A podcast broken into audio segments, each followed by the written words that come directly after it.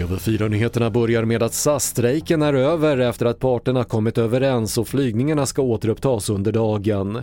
Flygbolaget och piloterna har enats om ett nytt kollektivavtal och 450 piloter som sagts upp under pandemin ska återanställas. De två pojkar, 11 och 14 år, som försvann från Storfors i Värmland igår eftermiddag har hittats. Polisen som under natten bad allmänheten om hjälp meddelade tidigt i morse att pojkarna hittats oskadda och transporterats hem.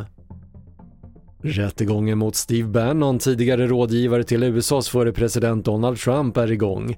Bannon som står åtalad för att ha vägrat att förhöras om stormningen av kongressen i januari förra året nekar till brott men riskerar upp till två års fängelse om han döms.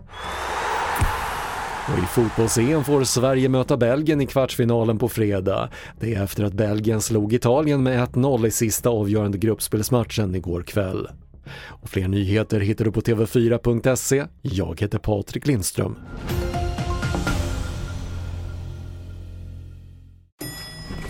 Nej. Dåliga vibrationer är att gå utan byxor till jobbet. Bra vibrationer är när du inser att mobilen är i bröstfickan. Få bra vibrationer med Vimla. Mobiloperatören med Sveriges nöjdaste kunder enligt SKI.